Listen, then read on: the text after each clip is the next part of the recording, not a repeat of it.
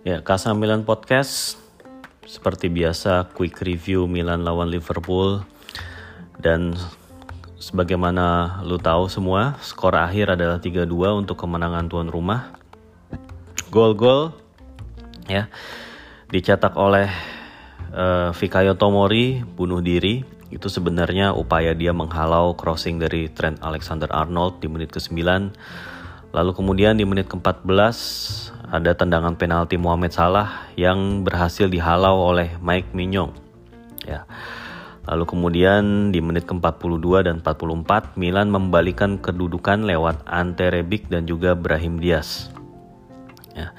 Namun kemudian Liverpool mencetak dua gol di babak kedua. Pertama menit ke-49 lewat Mohamed Salah dan menit ke-69 lewat Divo eh sorry, Korigi. Jordan Henderson sorry ya. Oke, jadi Liverpool berhasil memenangkan pertandingan karena setelah itu Milan tidak mampu membalas, gitu ya. Um, ini di sini uh, beberapa poin penting mau gue sampaikan. Yang pertama adalah tentang fact atau data-data uh, statistik, gitu ya. Yang pertama ball possession ya emang sudah ditebak ya sudah diduga Liverpool unggul jauh 6-1 berbanding 3-9 ya. Expected goals Liverpool 2,68 Milan 1,56. Total shots atau total tembakan Liverpool 23 Milan 7. Chance created Liverpool 15 Milan 7. Umpan akurat Liverpool 472 Milan 275. Di antara umpan-umpan akurat tersebut, ya. Milan hanya membuat 70 umpan akurat di daerah pertahanan lawan, sementara 205 lainnya itu di daerah daerah sendiri. Berbanding dengan Liverpool 472 umpan akurat, 289 umpan akurat itu dilakukan di daerah lawan, sementara 183 di daerah sendiri. Ya, lu bisa menyimpulkan dari statistik-statistik ini ya memang Liverpool itu unggul dalam segala aspek di pertandingan ini harus diakui. Ya, dari total tembakan 23 milik Liverpool, 8 di antaranya on target, 8 off target, 7 di blok. Sementara Milan 7 tembakan, 4 di antaranya on target dan 3 di antaranya off target. Lalu kemudian apalagi nih yang penting long ball. Milan melakukan 51 long ball sementara hanya 15 yang akurat. Berbanding Liverpool melepas 41 long ball, 26 di antaranya akurat. Umpan silang, Liverpool melepas 35 umpan silang, 8 di antaranya akurat. Berbanding Milan melepas 11 yang akurat 3 gitu ya. Terus kemudian dari sisi duel, Liverpool melakukan 39 dribble dan 15 di antaranya sukses berbanding Milan melakukan 22 dribble hanya 7 yang sukses. Tackle, Liverpool melakukan 24 eh, tackle, 17 di antaranya sukses berbanding Milan 31 melakukan tackle, 13 di antaranya sukses. Aerial duel, Liverpool memenangkan 9, Milan memenangkan 8. Interception, Liverpool 14, Milan 9. Ya, itu statistik-statistik penting yang menggambarkan bahwa Liverpool itu memang unggul dari sisi kualitas permainan karena mereka secara passing lebih akurat. Ya bola dikuasai juga. Ya lalu kemudian soal intercept mereka juga unggul. Duel juga kebanyakan mereka unggul. Dribbling juga mereka kebanyakan unggul. Jadinya memang progresi permainan mereka itu terasa gitu ya. Game plan mereka itu bekerja dengan baik gitu ya. Nah itu dari point of view um, statistik nah kemudian um, poin kedua yang juga penting adalah ya line up ya, seperti biasa line up. Liverpool menurunkan formasi 4-3-3 ya dengan Alisson Becker sebagai kiper, quartet backnya Trent Alexander-Arnold, Joel Matip, Joe Gomez dan Andrew Robertson. Tiga gelandangnya Fabinho sebagai gelandang bertahan dan Nabi Keita bersama Jordan Henderson sebagai gelandang tengah. Tiga penyerang, dua penyerang sayap diisi oleh Mo Salah di kanan, Diogo Jota di kiri dan penyerang tengah diisi Divock Origi. Di sini kita bisa lihat Liverpool juga sebetulnya tidak menurunkan skuad terbaik karena berbagai sebab baik sisi fisikal maupun taktikal. Virgil van Dijk tidak diturunkan. Gua nggak tahu mungkin ada masalah uh, kebugaran juga ya. Ya terus kemudian um, di depan uh, Sadio Mane juga nggak diturunkan dari awal. Tapi memang sepertinya ini keputusan taktikal karena di pertandingan sebelumnya Sadio Mane itu cuma nyetak satu gol dari 10 peluang yang dia dapatkan dan emang pas dia diturunkan di babak kedua pada akhirnya emang Sadio Mane itu mainnya kurang efektif dan sering nggak sering sih ya beberapa kali dia decision makingnya itu kurang pas gitu.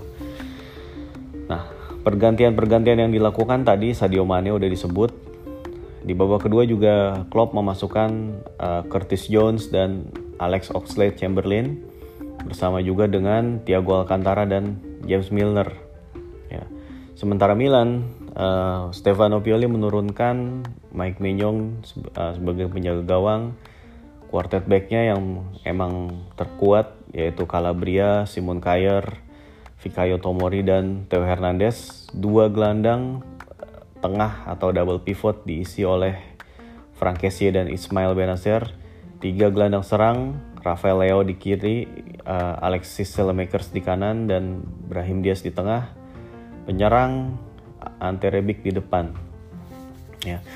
Pergantian yang dilakukan oleh Pioli itu Sandro Tonali masuk menggantikan Benacer menit ke-70-an.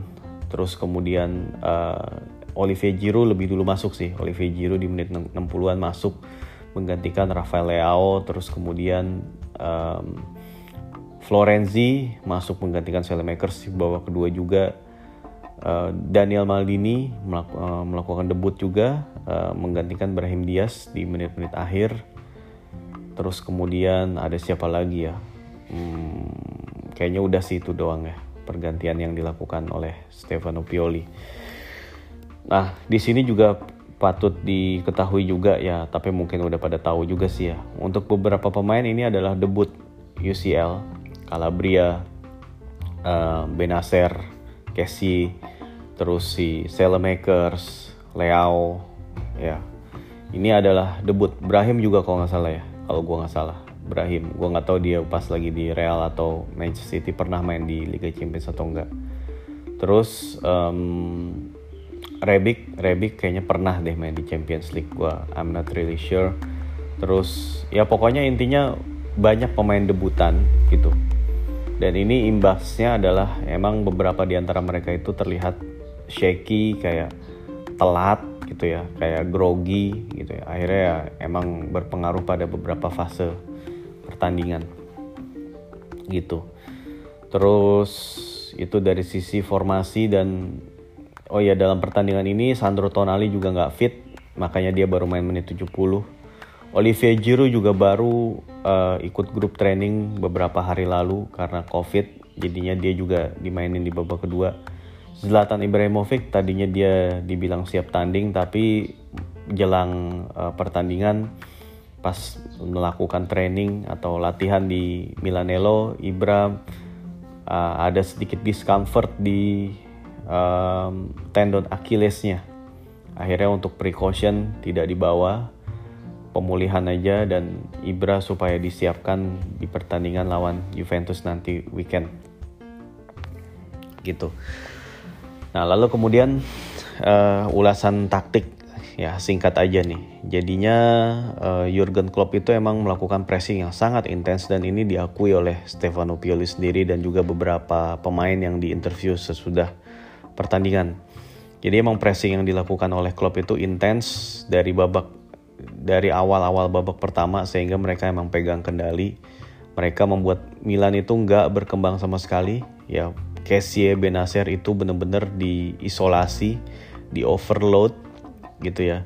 Ya, sehingga Kessie itu sering terlihat lambat. Jadi berapa kali dia baru mau nendang udah di bola udah di intercept atau ketika dia ngumpan itu passing lane-nya udah dipotong. Karena emang Liverpool itu uh, apa namanya uh, skema pressingnya adalah si Origi sebagai pemain penyerang tengah dia itu uh, selalu siaga stay alert di depan di tengah dia selalu berada di wilayah sentral center dia nggak bermain melebar kanan atau kiri. Uh, tapi kemudian uh, empat pemain yang di belakang Origi yaitu Salah Jota si uh, dan dua gelandangnya ya dua gelandang tengah Nabi Keita dan Jordan Henderson itu membentuk uh, formasi. Nggak sejajar sih kayak zigzag gitu zigzag. Ya itu sering kali uh, bener-bener selain mengganggu pemain yang menguasai bola itu juga mereka ngeblok jalur passing gitu ya.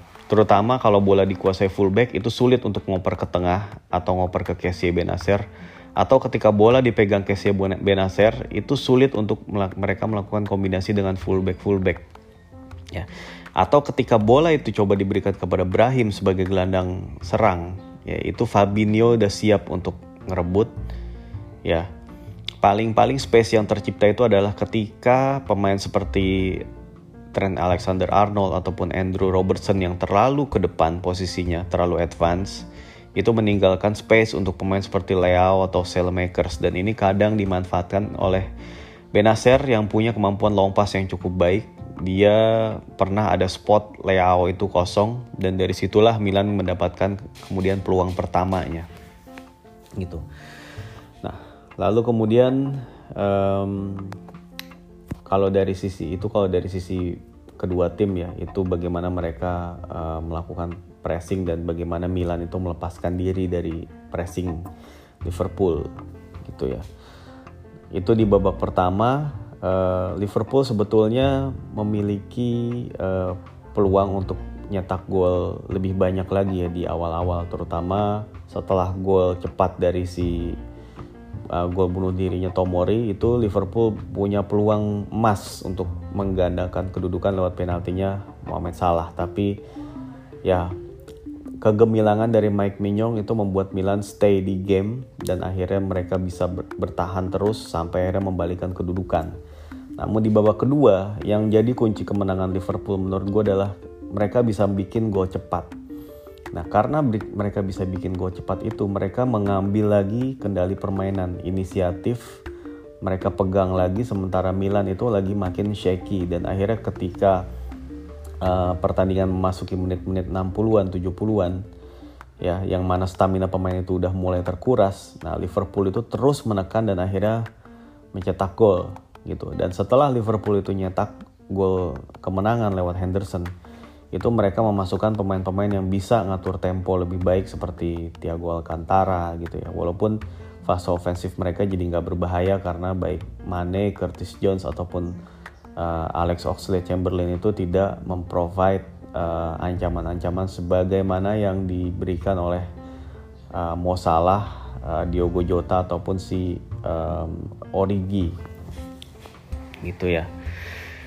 Ya kurang lebih sih kalau dari tactical point of view kayak gitu. Kalau dari jalannya pertandingan ya dinamika pertandingan ya emang dari menit awal Liverpool itu udah sangat-sangat berinisiatif udah memperlihatkan inisiatif mereka untuk uh, apa ya menggebar apa menggeber pertahanan ya kayak menggebrak lah di awal dan itu akhirnya berhasil di menit ke-9. Setelah itu juga ada celah kosong yang dimanfaatin. Jadi di situ Trent Alexander-Arnold ya dia mendapatkan ruang untuk dia berlari ke kotak penalti karena emang marking yang dilakukan itu tidak ya kurang baik lah.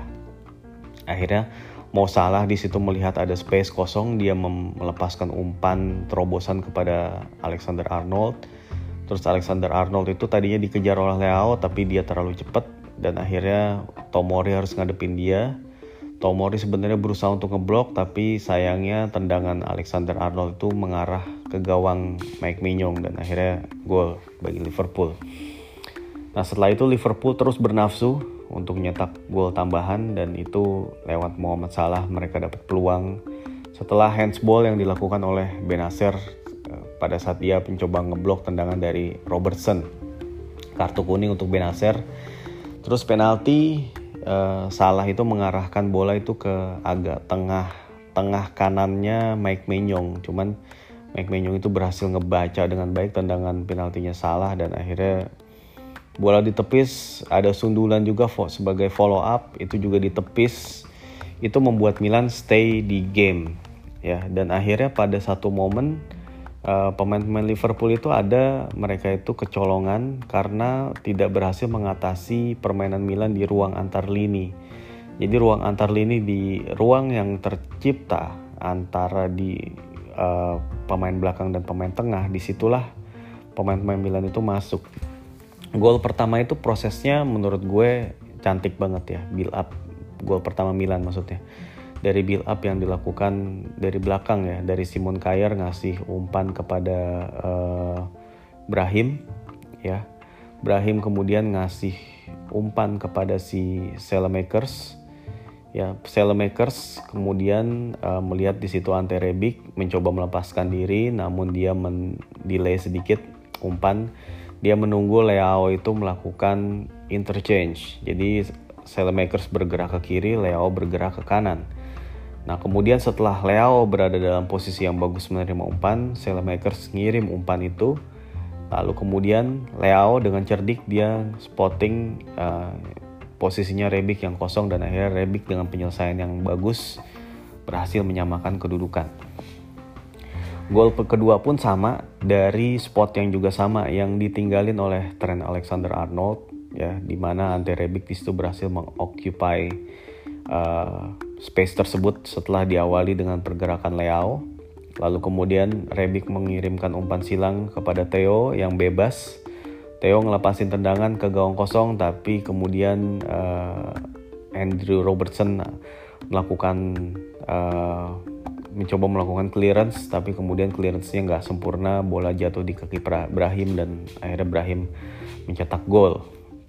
1-2 itu untuk Milan itu udah kayak bikin fans itu sangat girang ya sangat tidak menyangka juga gitu bisa memberikan perlawanan yang segitunya terhadap tim sekuat Liverpool gitu. Tapi memang ya pertandingan sepak bola itu kan game of two halves gitu ya. Uh, pertandingan dua babak gitu. Jadi ketika di babak pertama tim itu bisa kalah, di babak kedua itu tim bisa membalikan keadaan dan itulah yang terjadi. Ya, di babak kedua Liverpool tuh mainnya sebetulnya uh, lebih hati-hati tapi Milan itu ambil inisiatif duluan ya. Mereka mendapatkan corner setelah Leao itu dengan cerdik uh, berhasil um, memenangkannya dari si Alexander Arnold dan dari situasi corner tersebut sebetulnya terjadi gol. Cuman sayangnya ada dua pemain yang dalam proses gol itu offside ya. Padahal Simon Kjaer itu udah berhasil ngar ngarahin bola ke gawang dan Alisson itu udah nggak bisa nepis.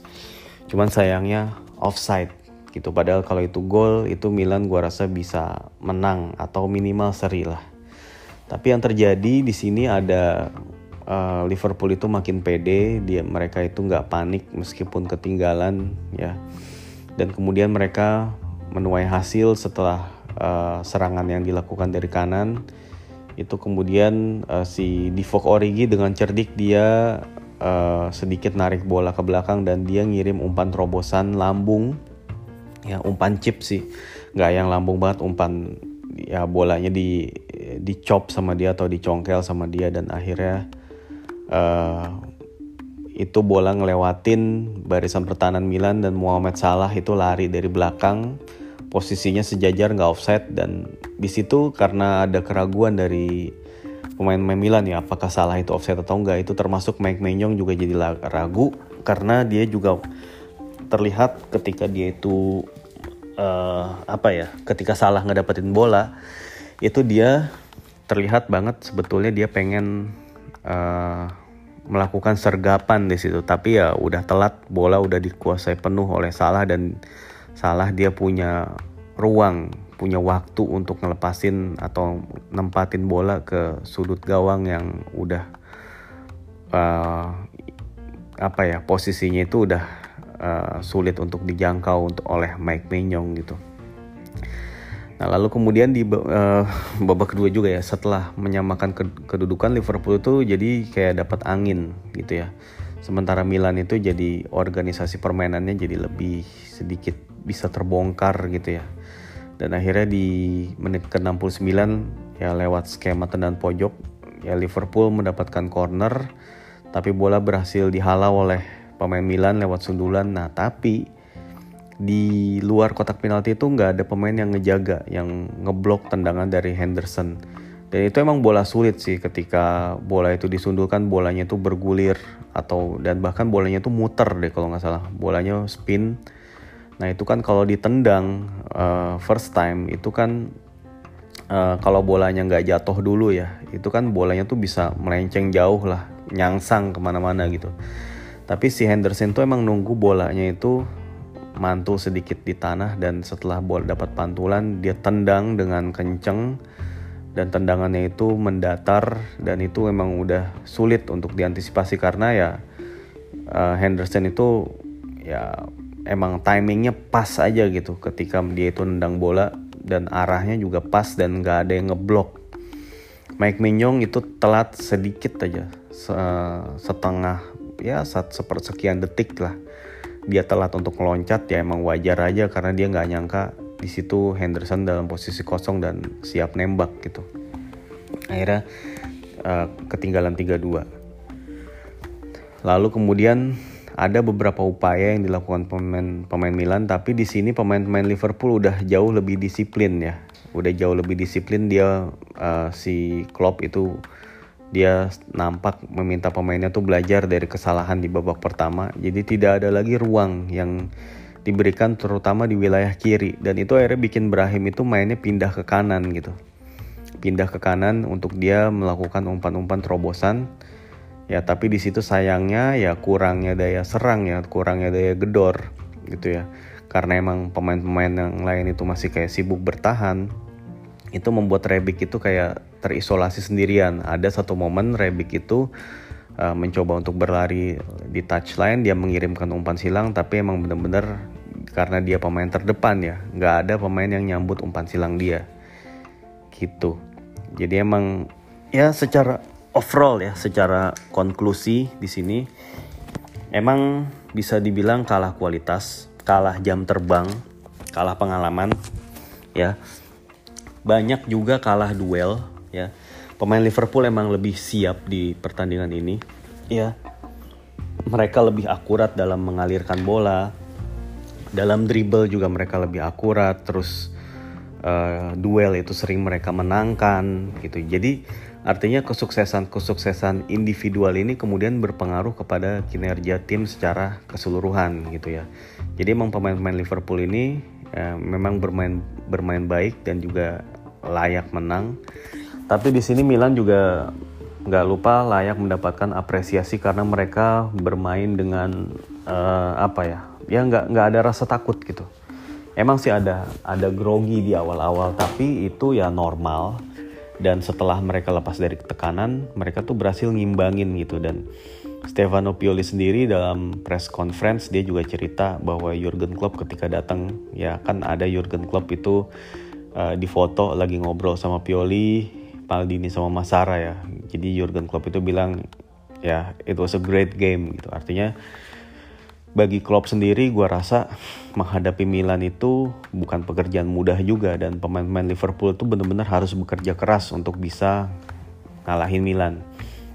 Dan buat Milan sendiri mereka mencuri dua gol di Anfield sempat unggul di babak pertama itu adalah bukti bahwa emang level permainan Milan itu sebetulnya nggak jauh-jauh amat gitu dari Liverpool. Emang ada kesalahan-kesalahan individual yang harus dibayar mahal gitu dan Stefano Pioli juga aware ya bahwa ini adalah kompetisi Liga Champions kalau lo bikin kesalahan seperti itu ya kesalahan-kesalahan ya kayak salah uh, tadi di gol pertama itu kayak nggak nutup ruangnya Trent Alexander Arnold terus di gol ketiga itu nggak ada yang nutup tembakannya si Henderson gitu. Nah itu emang harus dibayar mahal kadang-kadang gitu. Dan ini yang terjadi ke kepada Milan gitu ya. Liverpool itu dengan peluang yang maksudnya peluang yang nggak nggak peluang matang aja mereka bisa nyetak gol gitu. Yaitu efektivitas itu juga patut ditiru gitu. lini pertahanan Milan yang sebelumnya di Serie A itu terlihat terlihat disiplin ya tapi dengan intensitas tinggi dari Liverpool itu akhirnya bisa kebongkar juga. Ini juga mungkin bisa jadi pelajaran. Jadi banyak banget sih sebetulnya pelajaran yang bisa diambil oleh pemain-pemain Milan baik dari sisi uh, taktikal maupun dari sisi mental gitu. Gue yakin uh, Liverpool itu adalah lawan salah satu lawan terberat mereka lah gitu ya yang mereka hadapi gitu ya dalam beberapa tahun terakhir ini dan ini menjadikan pelajaran yang sangat berharga dan semoga dengan modal ini Milan bisa menatap pertandingan-pertandingan berikutnya ini dengan lebih optimis karena di ya di pertandingan lain ya Atletico itu ditahan imbang 0-0 oleh Porto. Jadi artinya di grup B ini persaingan masih sangat terbuka. Jadi ketika misalnya di match day 2 atau match day 3 Milan menang, gue yakin udah bisa terjadi pergeseran di klasemen yang tadinya Milan di bawah bisa naik ke peringkat 3 atau 2 ya dan juga di Liga nah Calabria juga sempat berkomentar wah ini Inggris tim tim Inggris ini emang temponya cepet banget mainnya. Dia ngerasa ya mungkin pasti ngerasa capek. Beberapa kali dia kalah sprint sama si Diogo Jota gitu di babak pertama dan sering juga digocek gitu ya. Tapi kemudian di babak kedua Calabria bermain lebih baik. Ya apalagi terus, kemudian ketika si Diogo Jota ditarik keluar si Calabria itu berhasil mengeliminir si Curtis Jones dengan lebih nyaman gitu ya. Terus kemudian pemain seperti Theo itu juga uh, menurut gue dia tampil cukup disiplin walaupun areanya dia itu sering jadi target serangan dari Liverpool karena emang di situ ada si Henderson dan juga ada si Salah dan juga uh, Trent Alexander Arnold. Gitu emang sering menggunakan wilayah tersebut untuk menyerang gitu ya artinya banyak hal positif meskipun hasil akhirnya itu tidak berpihak pada Milan. Ya kalau kita cuman jadi fans live score ya mungkin uh, ya payah ah kalah kecewa kecewa kecewa gitu. Tapi kalau kita nonton pertandingannya dari awal sampai akhir itu kita bisa ngelihat perjuangan dari uh, anak asuh Stefano Pioli bisa ngelihat perkembangan yang dia yang dia tunjukkan gitu. Ya ada kelemahan-kelemahan yang terekspos tapi ini bisa dijadikan pelajaran. Pemain seperti Kessie dan Benacer itu nggak bisa berlama-lama megang bola di sini di kompetisi ini. Mereka harus benar-benar cepat ya ketika mereka dapat bola dari belakang cepat dialirin cepat cepat dialirin uh, waspada dalam gerakan antisipasi bahwa lawan itu udah ada yang ngepres gitu. Nah ini di Serie A kan nggak kayak gini ya. Nah tapi kalau di Liga Champions lu emang wajib seperti ini gitu. Emang kompetisi yang berbeda Liga Champions lah intinya gitu. Oh ya terus untuk wakil Itali ya tetangga Inter juga kalah 0-1 dari Real Madrid lewat gol tunggal dari Rodrigo. Padahal kalau dari expected goals Inter itu lebih besar dari Real Madrid, artinya Inter tuh punya lebih banyak peluang daripada Madrid. Sementara wakil Italia lain Atalanta ditahan imbang via Real di kandang lawan. Sementara Juventus menjadi satu-satunya wakil Italia yang menang di matchday 1 setelah mereka menundukkan tuan rumah Malmo FF gitu ya. Ya jadi ini masih satu pertandingan dan buat wakil-wakil Italia yang lain juga masih ada peluang untuk lolos gitu ya jangan khawatir. Cuman ya kalau bisa di, di match day kedua ini jangan kehilangan poin lagi minimal adalah main imbang gitu. Jadi uh, tercipta peluang yang lebih bagus gitu. Milan ini kalau gue nggak salah di grup stage ini dua kali ya di tiga pertandingan pertama itu dua kali mereka bermain tandang. Jadi uh, di match day kedua akan menghadapi uh, tim tamu Atletico. Di match day 3 um, habis itu uh, ngadepin si FC Porto, 4 juga ngadepin FC Porto. Nah di match day 3 4 ini menurut gue krusial banget kalau Milan bisa ngambil 6 poin dari Porto, gue rasa peluang untuk lolos uh, itu terbuka lebar menurut gue. Tinggal bagaimana mengambil minimal 4 poin dari Liverpool dan Atletico. Itu aja sih yang harus dilakukan. Oke, nanti di weekend bersiap untuk menghadapi Juventus dalam lanjutan kompetisi Serie A dan ini pasti ya kalau bisa ngambil sesuatu dari pertandingan ini gitu ya. Eh, ngambil spiritnya, ngambil speed kecepatan dari pertandingannya ini pasti bisa jadi bermanfaat untuk menghadapi Juventus yang sedang shaky. Tapi ya kita tetap Juventus is Juventus. Tetap nggak bisa anggap remeh juga gitu ya. Mereka tetap punya pelatih bagus pemain-pemain berkualitas yang bisa bangkit gitu. Dan semoga tapi bangkit ini nggak pas lawan Milan gitu aja deh. Oke deh uh, gua rasa itu aja dulu yang mau gue sampaikan dalam match review pertandingan Liverpool Milan ya. Uh, mohon maaf kalau kurang berkenan dan terima kasih udah dengerin Kasamilan Podcast. Sampai jumpa dalam episode-episode mendatang. Ciao